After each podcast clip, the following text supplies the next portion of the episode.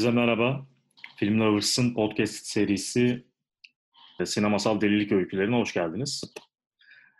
Ben Murat Emir Eren ve çok sevgili arkadaşım Güvenç Atsüren'le beraber sizlere kalitesinden hiç şüphe duyamayacağınız delilikleri anlattığımız ve delilerden bahsettiğimiz bu podcast kaydımızın dördüncüsünü gerçekleştiriyoruz artık. Dördüncü bölüme kadar geldik. Ve e, bu bölümde aslında çok iyi tanıdığınız birinin hatta böyle çok ünlü bir delilik öyküsünden bahsedeceğiz. Bilmeyenleriniz olabilir, bilenleriniz olabilir. Yani bu delilik öyküsü üzerine bir film bile yapıldı. Ee, üzerine başlı başına bunun üzerine bir belgesel yapıldı. Ve e, kahramanımız kim? Terry Gilliam. Kahramanımız Terry Gilliam. Ee, aslında tüm kariyeri irili ufaklı deliliklerle bezeli. Hani sadece film yapma öyküleri değil ki e, bugün konuşacağımız projeden bağımlı, e, farklı olarak da birçok e, başka başka projelerde benzer türden sorunlarla karşılaşmış. Hani çok böyle yapmak istediği filmlerle onları yapmak için bulabildiği kaynaklar arasında birçok sefer çeşitli çatışmalar yaşamış bir yönetmen kendisi. dolayısıyla aslında kariyeri de bu delilik öykülerinin tamamına bile konu yani tüm kariyeri tamamıyla bir delilik öyküsü bile delilik öyküsü olarak açıklanabilecek biri. Kendisi aslında İngiliz mizahı olarak bildiğimiz şeyin belki de yaratıcılarından olan Monty Python ekibinin bir üyesi. O işte Flying Circus isimli televizyon programıyla gerçekten muazzam işlere imza atıyorlar e, ekipçe. E, daha sonra bu ekibin e, sinemaya yaptığı bir takım filmler de var ki onları ben kişisel olarak da çok severim. Hatta özellikle Monty Python and the Holy Grail'ı tüm zamanların en komik filmlerinden biri olarak kişisel sohbetlerimde yeri gelmişken hemen adını söyleyiveririm. Ee, onun da yönetmeni aslında. Geri geleyim. E, dolayısıyla e, bir mizah topluluğunun içinden çıkan bir yönetmen olarak e, adlandırıp tanımlayabiliriz sevgilimi. İlk yani yönetmen koltuğuna ilk oturduğu filmde bahsettiğim Monty Python and the Holy Grail, yani Türkçesini söyleyeceksek, Monty Python ve Kutsal Kase. Monty Python filmlerinden sonra kendisi e, filmlerde hani kendi yarattığı evrenlerde geçen filmler de çekiyor. İşte Jabberwocky gibi ki belki onun yönetmen olarak ilk ciddiye alın hani şey yani Holy Grail'dan bağımsız olarak ilk defa e, solo bir filmiyle e, dikkat çekti. Zaman Haydutları Time Bandits'le e, bir aslında kurmak istediği sinema dünyasını da yaratıyor. İşte böyle fantastikle her zaman temas halinde olan işte epik bir yönü olan ama bir yandan da işte çok mizahi ve çok minimal e, bir duruşu olan bir sinema yaratıyor. E, derken e, kariyerinin belki de hani şeyi ilk karşısına çıkacağı şeyi e, sorunu belki de en iyi filmlerinden bir tanesi Brezil'le karşılaşıyoruz.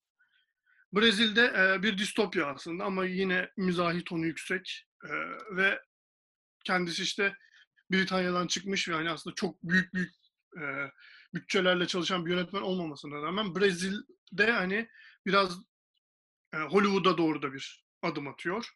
E, ve Brezil'de mesela ilk kariyerindeki ilk büyük sorun yaşanıyor. O da şu, yapımcılar filmin sonunu çok karanlık bulduğu için filmin son kurgusunun birçok farklı versiyonu var. İşte ilk başta yapımcıların e, uygun gördüğü versiyonu gösteriliyor. Sonra işte sevgilim bundan memnun değil. Tekrar işte kurguluyor vesaire. Şu an hani Brezil'i internette bile attığımız zaman birçok farklı kurgusuna denk gelebiliyoruz. Gerçek Brezil hangisi tartışmalarıyla beraber zaten bir şey bir evreye girmiş oluyor yani hani yani sinemada yani hani... ve e, kendi üretim alanında yani ana akımla çatıştığı bir noktaya yani zaten bütün yazarlık evresinden animatörlük evresine kadar hepsinde bir ana akımla çatışıyorlar. Hı hı. Ve yani muhafazakar bir anlatıyla çatışıp duruyorlar. Yani yönetmenliğinde de bu kendisini gösteriyor. Yani işte kullandığı açılar, kullandığı mercekler, işte 14 milimetreler, 50 milimetreler bunları artık böyle e, çok özel durumlarda tercih edilen lensleri filmin genelinde kullandığı bir anlatı oluşturmaya çalışıyor ve hep bunları aslında ana akıma baş kaldırmak için yapıyor ama ya bir sadece bunun için değil tabii yani bir anlatıda da bir yere oturan, yani kendi dünyasında bir yere oturan bir vaziyet oluşuyor bununla. Fakat bir noktadan sonra e, bir yandan kariyeri devam ederken bir yandan da e, devam etmeyen bir durum oluşuyor. 80'lerin sonundan itibaren. Bir şey devam edemiyor. Evet, bir şey devam edemiyor. Belki bur- yani burada işte ilk kariyerindeki e, nasıl diyeyim ya epic failure diyeceğim ama bunu hani şey yani yapımsal, prodüksiyonel anlamda bir failure'dan bahsedeceğim. Ki ben aslında filmi hiç de fena bulmam. E, Adventures of Baron Munchausen. Evet. E, Baron Munchausen'ın maceraları. Ya bu işte efsanevi bir karakterin Baron Munchausen'ın dünyanın farklı yerlerinden Ay'a kadar uzanan devasa yolculuklarını anlatan epik bir komedi aslında. E, fantastik, epik ve bir komedi filmi aynı zamanda. Ya film e, oyuncu kadrosu falan çok etkileyici vesaire ama asıl meselesi şu. Filmin e, çekimlerine başlandığından birkaç hafta sonra bütçenin tamamını açtıklarını fark ediyorlar. Ve e, filmin çekimleri tamamlandığında da e, en başta filme ayrılan bütçenin neredeyse iki katını kullandıklarını fark ediyorlar. Ve işte Terry Gilliam'ın bu şeyiyle, e, bu yapım e, meselesiyle e, işte yani bulabildiği kaynaklar ve yapmak istediği sinemanın çatışması noktasının en büyük örneklerinden bir tanesi Baron Munchausen'ın maceraları.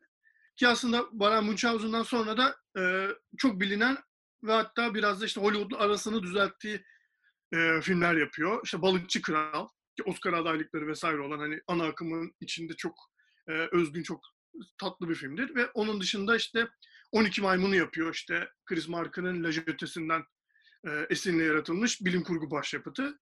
E, ondan sonra yine benim sevdiğim e, tuhaf bir film olarak tanımlayacağım.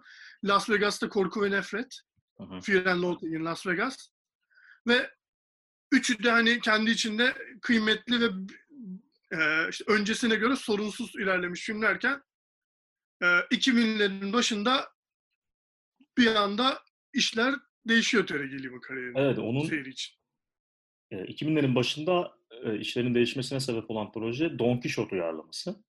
E, bu 2018'de gösterime giren, girmeyi başaran ve yani çekmeyi başardığı The Man Who Killed Don Quixote, Don Quixote'u öldüren adam filminin hikayesinden bahsediyor olacağız aslında yayının devamında. Şöyle ki aslında 1980'lerin sonunda bir Don Quixote uyarlaması yapmaya karar veriyor Terry Gilliam. Ve şeyi bilmiyor tabii yani kendisinin de bir nevi Don Quixote'a dönüşeceğini bütün bu sürecin içerisinde ve sonunda bilmeden bu yola çıkıyor. Birçok oyuncunun değiştiği, birçok e, yönet e, yönetimsel bir sürü durumun değiştiği bir prodüksiyonlar süreci başlıyor. E, 90'lı yıllarda filmi yapmaya yaklaşıyor. Olmuyor. E, başroller tamamen farklı. İşte John Hurt'u düşünüyor. E, Sancho Pancho için başkasını düşünüyor vesaire. Sonra 2000'lerde senin de dediğin gibi daha doğrusu 90'lı yılların sonunda hiç Amerikan e, dahili olmadan yani Amerikan prodüksiyonlarının hiçbir dahili olmadan tamamen e, Avrupa'dan finans bulup yüksek de bir bütçeyle yola çıkmayı başarıyor 2000'li yılların başında. Fakat işler yani, pek istediği gibi gitmiyor. Yani gerçekten hani sinema tarihinin belki de en büyük e, şeylerinden bir tanesi. Yani yapılamamış filmlerinden bir tanesi ki yani şey dedi yani sete girilip yapılamamış olması çok enteresan bir hikayeye dönüştürüyor bunu. E bu arada hani şey bildiğim kadarıyla o döneme kadar Avrupa yani tamamen Avrupa prodüksiyonu olup en yüksek bütçeli e, olan film 32 milyon dolar gibi bir bütçeden evet, bahsediyor. Bir rakam zaten yani gerçekten yani bir Avrupa, Avrupa için 2000'lerin başında Avrupa için çok büyük bir rakam ama e, yani aslında bu 32 milyon doları bulduklarında bile bu işte bu mevzuyu anlatan Lost in La Mancha belgeselinde Terry Gilliam'ın söylediği üzere e, aslında 32 milyon dolar bile benim yapmak istediğim film için çok da yeterli değil diyor. Hani bir 32 daha olsan hiç, hiç fena olmaz gibi şeyler söylüyor ama en azından 40 milyona bizim ihtiyacımız var diyor. Evet ee, film, yani bu arada neler oluyor onu anlatalım. E, filmin çekimlerine başladıkları anda zaten e, filmin başrol oyuncusu Jean Roquefort'un bir bel rahatsızlığı olduğu ortaya çıkıyor. Bir disk kayması olduğu ortaya çıkıyor ki bütün filmin neredeyse bütün çekimlerin yüzde seksenini at üzerinde gerçekleştirecek bir oyuncu için ki e, o, o zamanda da yani o tarihte de yine yaşı çok ileride aslında Jean Roquefort'un. Kendisini yakın zamanda kaybettik ama e, önce böyle bir şey çıkıyor ortaya. Daha sonra bu sefer bir e, testis kanseri gibi bir durum ortaya çıkıyor. Ve yani tamamen artık bu işi yapmaları imkansızlaşıyor. Ki Jean Ward çok uğraşıyor. Rol için 7 ay boyunca İngilizce eğitimi alıyor. Ee, işte uzun süre işte bu role hazırlanıyor vesaire. Yani başrol oyuncusunu bir bismillah bir kaybediyor zaten. Onun üzerine çektikleri footage'ın bir kısmını kaybediyorlar. Yani normalde olması gereken renkten daha açılıyor filmin negatiflerinin rengi. Yani bir başlarına bir iş geliyor.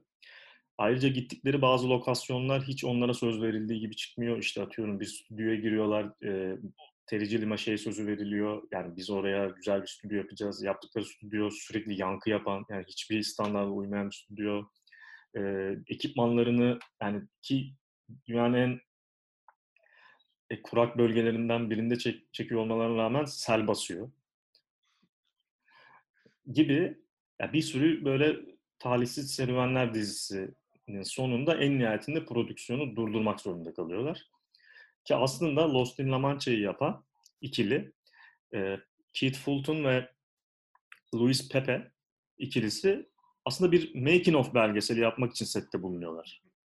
Ve bütün bunları da kayda almış oluyorlar. Ve şeye kadar e, Terry Gilliam'ın da yani evet çok komik olduğu gerçekten başımıza gelenler. Bence siz bunu bir film yapın diyene kadar da çektikleri malzemeleri böyle hani üzerine atlar gibi yani bir belgesel yapmaktan imtina ediyorlar. Fakat Terry Gilliam'ın da müsaadesi gelince bu belgeseli tamamlıyorlar. Lost in La Mancha'yı biz galiba şeyde de önerdik.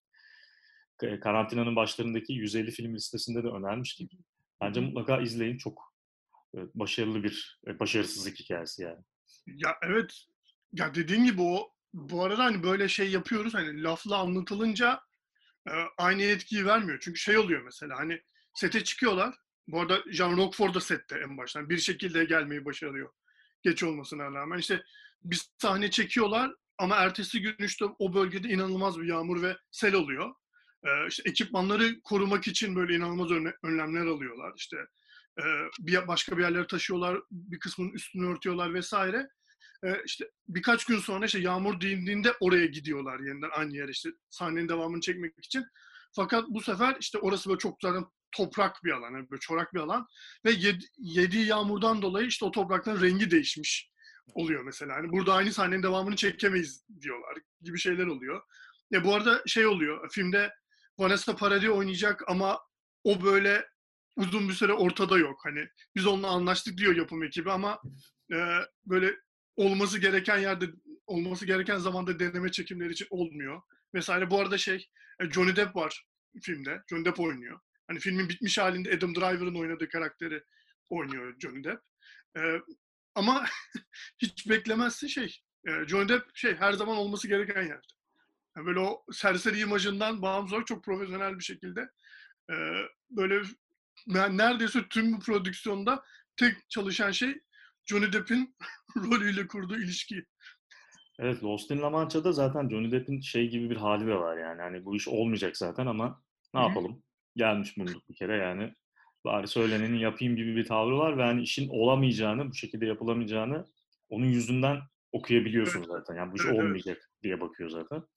Ve e, bu arada yani prodüksiyonun gerçekleşememe sebeplerinden bir tanesi de en başında daha yola çıkarken sigortaların zaten karşılanamayacak olması. Bütçelerden zaten bir riskle çıkıyorlar ortaya. Yani başlarına bir iş gelse bir yedekleri, işte bir garantileri yok ki başlarına da bir şey hakikaten geliyor ve zaten yerini başka bir şeyle ikame edemiyorlar. Yani bir işte ekipmanların başına bir iş geldiğinde sigorta karşılamıyor, haliyle devam edemiyorlar vesaire. E, oyuncuların hakeza başına bir şey gelse belki onu da karşılayamayacak durumdalar falan. Haliyle prodüksiyon bir şekilde durduruluyor.